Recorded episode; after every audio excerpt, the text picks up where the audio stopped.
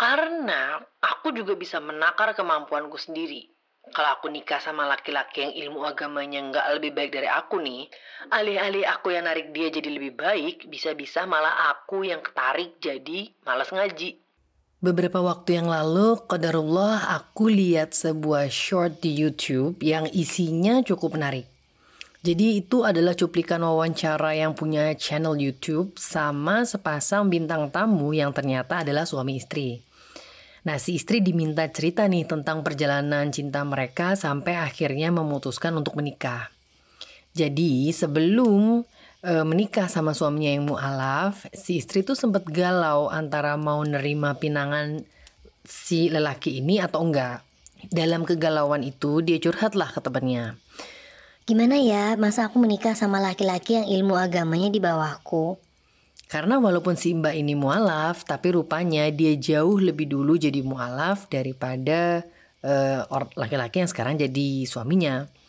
Dan respon temennya adalah, Emang ilmu lo udah setinggi apa? Sombong banget bilang ilmu agamanya di bawah lo. Lagian emang ilmu itu cuma agama doang. Yang bikin menarik adalah hal yang hampir sama juga pernah kejadian sama aku beberapa waktu dulu. Jadi ceritanya ada orang yang mungkin agak sedikit gregetan ya sama aku. Soalnya menurut dia aku tuh terlalu pemilih di umur segitu. Waktu itu sekitar awal 30-an lah. Lalu dia tanya lah ya kan, apa sih yang sebenarnya aku cari atau apa sih kriteria suami yang aku cari gitu. Sebenarnya aku agak enggak serak ya nge-share itu karena kriteria itu kan bener-bener subjektif ya. Apa yang aku suka, apa yang aku nggak suka atau ya preferensi pribadi lah. Tapi saat itu aku pikir, oke okay, why not?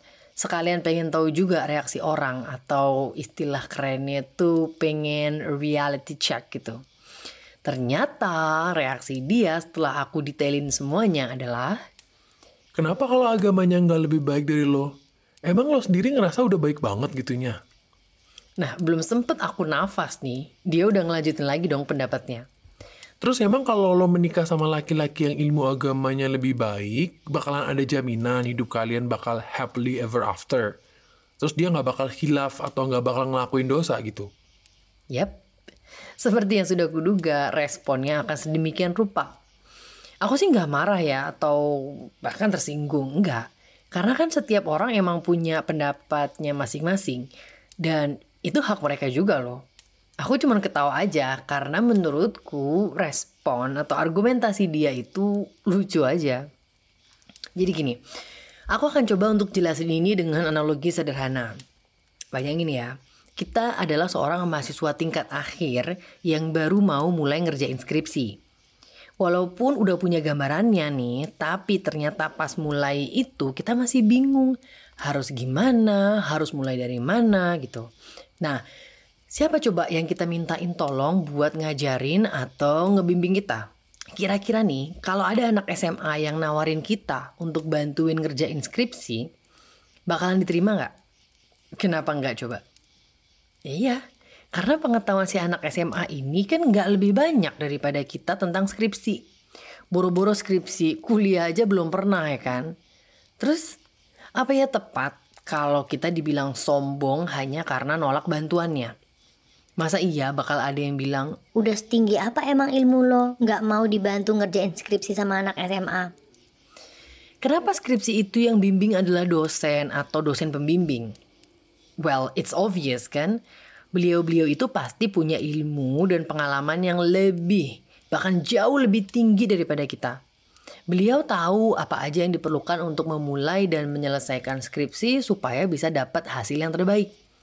Kalau kita males, bakalan diingetin. Bahkan ada beberapa yang kayak mecutin sekalian gitu kan. Dan kalau kita nggak ngerti, ya bakal dibimbing. Nah, sama halnya sama aku. Alasan kenapa aku nggak mau menikah sama laki-laki yang ilmu agamanya di bawahku, itu bukan karena aku sombong. Bukan karena aku sok udah ngerasa paling tinggi ilmunya. Tapi justru karena aku tuh tahu banget bahwa aku masih fakir ilmu. Imanku masih naik turun. Masih suka futur. Karena aku juga bisa menakar kemampuanku sendiri. kalau aku nikah sama laki-laki yang ilmu agamanya nggak lebih baik dari aku nih, alih-alih aku yang narik dia jadi lebih baik, bisa-bisa malah aku yang ketarik jadi malas ngaji. Karena fitrahnya seorang perempuan atau seorang istri itu dibimbing, bukan membimbing suaminya. Alhamdulillahilladzi bi ni'matihi tatimus salihat. Allah masih memberi aku kesempatan untuk bisa melihat dengan mata kepala sendiri apa yang terjadi saat seorang perempuan memutuskan untuk menikah dengan laki-laki yang masih belum ngaji. Atau pada saat itu ya nggak terlalu menitik beratkan tentang ilmu agama lah. Ya pokoknya dia Islam, uh, yang kelihatan mata dia sholat. Kalau masalah ilmu agama tuh nanti kan bisa belajar sama-sama gitu loh mikirnya. Di awal pernikahan mereka sih nggak ada masalah ya. Semua berjalan seperti biasa. Bahagia, um, romantis. It was all rainbows and butterflies, unicorn and cotton candy. Semua yang manis dan semua yang indah.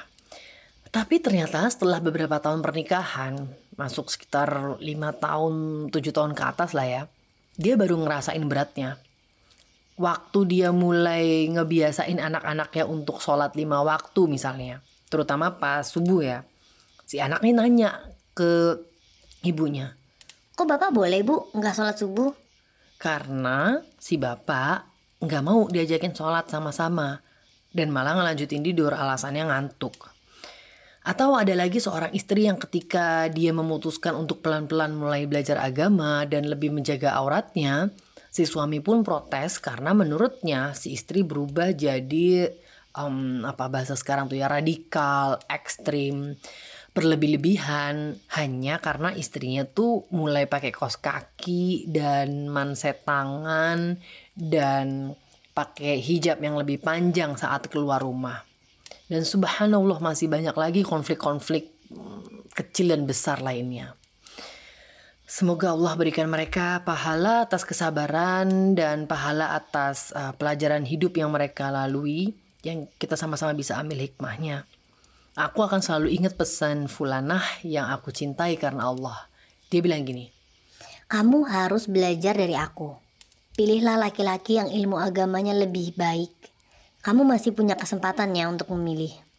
Cuma ada beberapa orang yang bilang gini, tapi kan belajar agama bisa sama-sama sambil jalannya. Oke. Sekarang coba lihat sekeliling ya. Dari 10 orang aja deh. Cari contoh 10 orang di sekeliling kita. Berapa banyak cerita sukses yang suaminya mau keep up sama istrinya? Yang suaminya tuh mau belajar agama dari istrinya. Berapa banyak nih suami yang saat istrinya bilang, Mas, Celananya ganti yang lebih panjang ya, karena aurat laki-laki itu antara pusar dan lutut. Terus si suami merespon dengan, Oh gitu ya dek, astagfirullah aku nggak ngerti selama ini. Oke oke, kalau gitu nanti temenin mas beli celana baru ya. Berapa banyak suami yang ketika istrinya bilang, Mas, boleh nggak mulai sekarang nggak usah follow perempuan yang bukan mahram di Instagram? Aku khawatir nanti akan sulit buat kamu untuk terhindar dari melihat aurat pas lagi scroll-scroll feeds. Terus dijawab sama suaminya. Oh, iya juga ya, Dik. Kita kan gak bisa kontrol postingan orang ya. Pas lagi scroll tiba-tiba ada yang share foto bikini. Jazakillahu khair ya, Dik. Udah dibantu terhindar dari dosa. Sepengetahuanku nih ya, lebih banyak istri yang dengan mudahnya nurut sama ajakan kebaikan dari suaminya bahkan tanpa banyak tanya kenapa dan tanpa banyak alasan gitu. Tapi gimana kalau dia bilang mau mulai belajarnya? Alhamdulillah, bagus. Silakan mulai belajar. Mulailah duduk di majelis ilmu, mulailah banyak bertanya tentang hal-hal yang belum diketahui pada guru-guru kita, fizahumullah. Tapi ya nggak sama aku. Aku nggak akan ngedampingin kamu dan aku nggak akan ngebarengin kamu gitu. Toh juga kalau emang kita berjodoh suatu hari nanti, kan akan ketemu jalannya. Allah akan gerakkan hati kita berdua. Gak usah khawatir. Siapa tahu malah nanti setelah uh, dia belajar, setelah dia jadi orang yang jauh lebih baik, setelah dia punya ilmu agama yang jauh lebih baik, malah Allah kasih perempuan yang jauh lebih baik daripada aku. Ya kan? Ilmu yang penting kan gak cuma agama aja nya. Betul, betul banget ini. ilmu dunia itu juga penting. Tapi ilmu dunia nggak akan ada artinya tanpa ilmu agama. Berapa banyak orang yang sekolah tinggi tapi masih melakukan pekerjaan yang jelas-jelas haram dalam agama. Membawa pulang uang yang nggak halal, lalu diberikan makanan, terus dimakan oleh anak istrinya, dan tumbuhlah daging-daging yang haram. Kenapa? Mungkin karena dia belum tahu bahwa Rasulullah Shallallahu Alaihi Wasallam bersabda, "Wahai Kaab bin Ujroh, sesungguhnya daging badan yang tumbuh berkembang dari sesuatu yang haram akan berhak dibakar dalam api neraka." Hadis riwayat Tirmizi nomor 614. Berapa banyak orang yang pinter banget cari uang, yang apa aja dibikinnya selalu bisa menguntungkan, selalu bisa profit tapi uangnya malah dipakai untuk hura-hura main perempuan. Karena dia pikir, toh uang yang aku kasih ke istri sama anak-anak udah lebih dari cukup. Kenapa? Karena mungkin dia nggak tahu bahwa kewajiban suami dan seorang ayah itu bukan hanya sekedar menafkahi keluarga. Emang kalau menikah sama laki-laki yang ilmu agamanya lebih baik dari kamu, ada jaminan 100% gitu dia nggak akan khilaf dan rumah tangga kalian akan happily ever after? Uh, aku tanya balik boleh ya? Emang kalau menikah sama laki-laki yang ilmu agamanya kurang dari aku tuh ada jaminan 100% gitu. Dia nggak akan khilaf lagi dan rumah tanggaku bakalan happily ever after. Nggak kan? Karena manusia nggak punya kemampuan untuk menjamin pasangannya nggak bakal khilaf. Itu semua hak prerogatif Allah. Itu semua takdir dari Allah. Tugas manusia itu hanya berusaha ikhtiar sebaik mungkin sekuat kemampuan dan semaksimal tenaga. Tentang happily ever after, ya selama kita masih hidup di dunia, nggak ada yang namanya happily ever after. Karena dunia itu tempat kita berlelah-lelah dalam mengejar ridho Allah. Dalam mengumpulkan pahala untuk bekal di akhirat kelak. Kalau mau ngerasain happily ever after, ya nanti di surga. Emang lo udah cukup baik gitunya untuk bisa dapet laki-laki yang ilmu agamanya lebih baik? Alhamdulillah ala kulli hal belum. Ya secara jodohku sampai sekarang juga masih belum kelihatan hilalnya kan.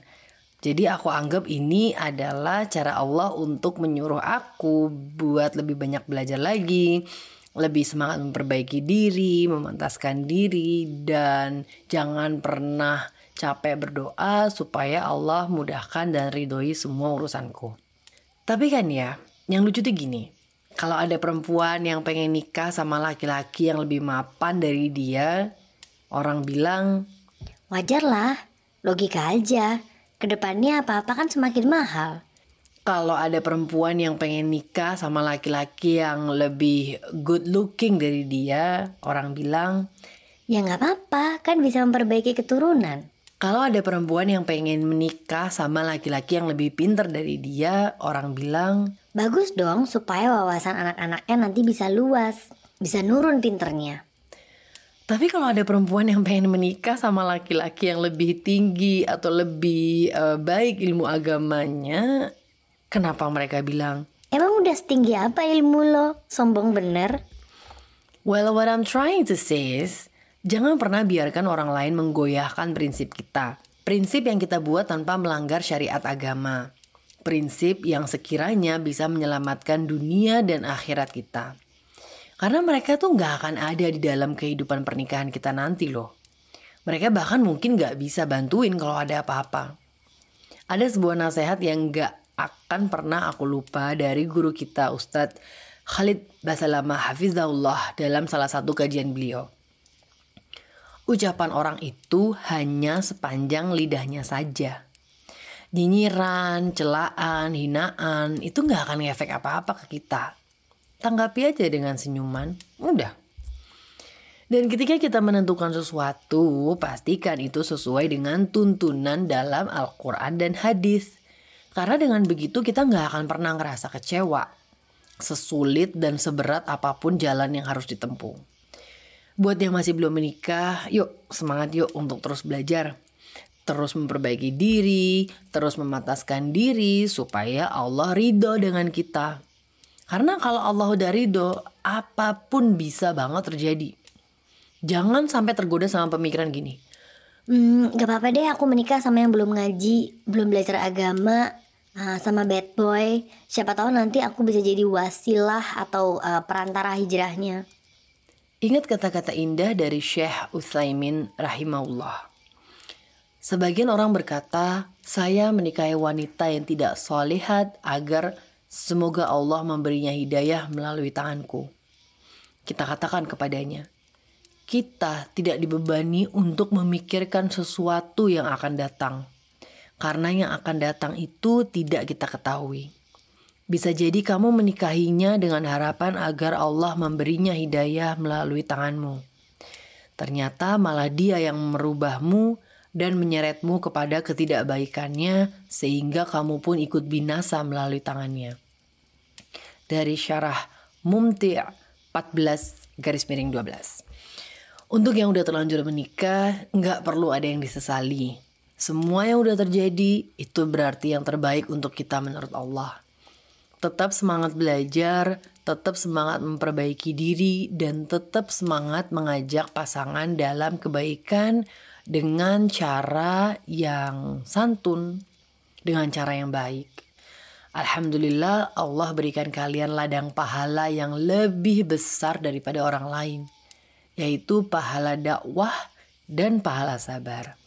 Terus berdoa agar Allah lembutkan hati pasangan kita supaya bisa semakin dekat dengan Allah bersama-sama agar bisa sehidup dan sesyurga. Amin.